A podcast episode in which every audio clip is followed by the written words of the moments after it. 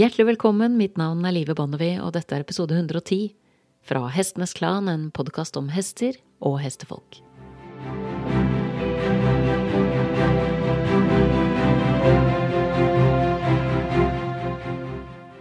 Jeg har allerede laget en egen episode om greske og latinske ord, og da med særlig vekt på latinske ord som er brukt til å orientere seg i hestens anatomi, nemlig episode 27, som jeg kalte Helt gresk. Og dersom du har hørt denne episoden, så vet du at jeg har en grunnleggende interesse for etymologi, nemlig læren om ordenes opprinnelse, ikke minst når det gjelder greske og latinske ord, for de er ofte nesten poetiske i måten de er skrudd sammen på. Og mitt favorittord blant de ordene jeg har samlet så langt, er nok fortsatt fotografi.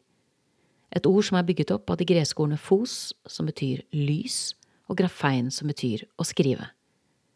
Dermed betyr fotografi, direkte oversatt, å skrive med lys. Og hvis man først skal skrive med lys, hva er vel mer interessant å skrive om enn hester? Som filmarbeider så jobber jeg med levende bilder hele tiden, og med erfaring så fanger man opp flere og flere nyanser når det gjelder kunsten å snakke og fortelle i bilder. Og man erfarer også gang på gang hvor utrolig mye ulike variabler som redigering og komposisjon og utsnitt har å si. Det er ikke få ganger vi har skulle tent ut et stillbilde fra en av filmene våre, der vi sliter med å finne akkurat det bildet vi leter etter, men kan redde oss i land ved at vi finner et bilde som ligner det vi hadde i tankene, og ved å justere utsnitt, komposisjon og redigere bildet, så kan vi ofte på en god dag klare å hente ut akkurat det bildet vi lette etter, og trodde vi manglet ved første gangs gjennomsyn. Det å fange gode bilder, enten de er levende eller stå stille, handler også om å se mulighetene i bildene man faktisk har tatt. Men når det gjelder fotografering av hest, så har jeg alltid syntes at det er utfordrende at jeg opplever at det skaper en form for støy i kommunikasjonen med hesten. Både når jeg selv tar bildene, og når jeg får andre til å ta bilder av oss. Hesten min er jo veldig sensitiv, og de få gangene jeg faktisk tar med meg kamera, så opplever jeg ofte at det er mest i veien, så det koster meg litt å ha det med, og dermed blir det ikke til at jeg tar så mange bilder, og ikke så mye film heller. Og hvis jeg ber andre om å ta bilder av oss eller filme, så skaper det også en form for støy, sikkert fordi jeg selv også er ganske sensitiv, sensitiv med tanke på energi og tilstedeværelse. Når noen tar bilder eller filmer, så er det så lett å bli tatt ut av øyeblikket, og da mister jeg så fort den intuitive kontakten som jeg etterstreber med hesten min fordi den er ganske skjør, men dette er noe jeg øver på å takle bedre. For det er minst to grunner til å tenke mer positivt på dette med fotografering. Det ene er at det er veldig hyggelig å ha bilder av og med hesten sin når han ikke er her lenger.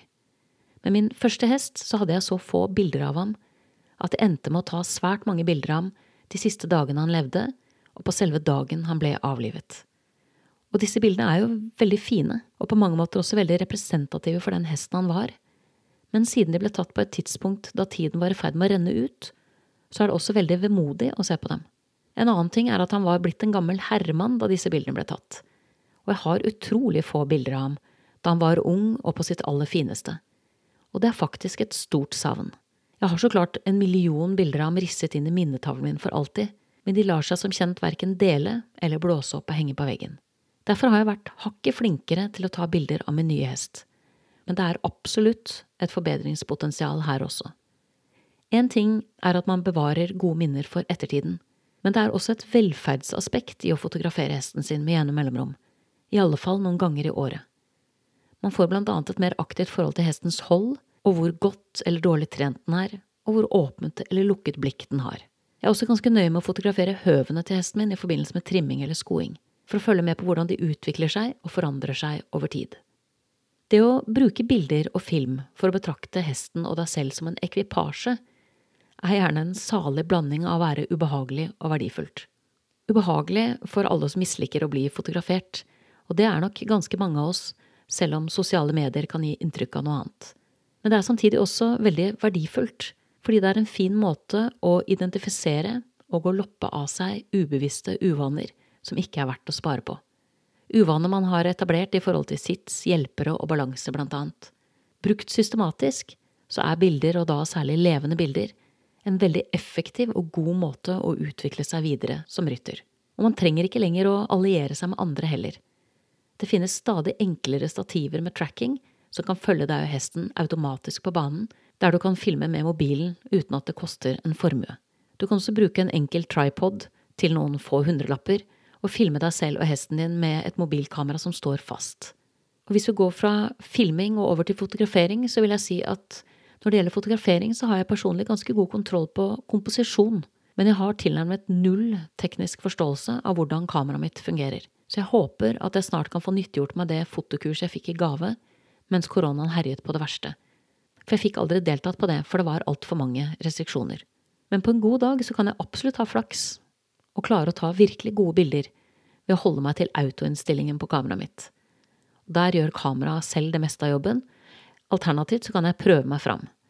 Men jeg må jo bare erkjenne at det er mye som skal klaffe for at jeg skal sitte igjen med bilder som er noe mer enn vanlig. Og skal man ta bilde av hester, så er det jo veldig stas å klare å ta bilder som er uvanlig gode. Selv er jeg særlig glad i å ta bilder under beiteslipp, for da er hestene opptatt på annet hold, og det grumser ikke til kommunikasjon med dem på noe vis. Jeg liker også veldig godt å ta bilder av hestene på beite, det kan være nesten som en meditasjon. Men hvis hestene er kontaktsøkende, så kjennes det fort kunstig og ganske lugget ut å ha et kamera mellom meg og dem. Men jeg har av nevnte grunner knyttet til velferd og utvikling fått det for meg at jeg skal bli mye flinkere til å ta bilder av hesten min. Og hva er vel bedre da enn å snakke med en som har fotografering av hester som jobb? I neste ukes episode har jeg derfor invitert en prisvinnende fotograf som fotograferer hester som levebrød, og som kommer med gode tips for hvordan man kan forevige gode bilder av både egen og andres hester. Det er bare å glede seg. Du har nettopp hørt episode 110 fra Hestenes Klan, en podkast om hester og hestefolk.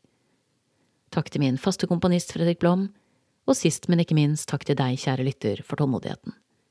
Måtte hesten for alltid være med deg.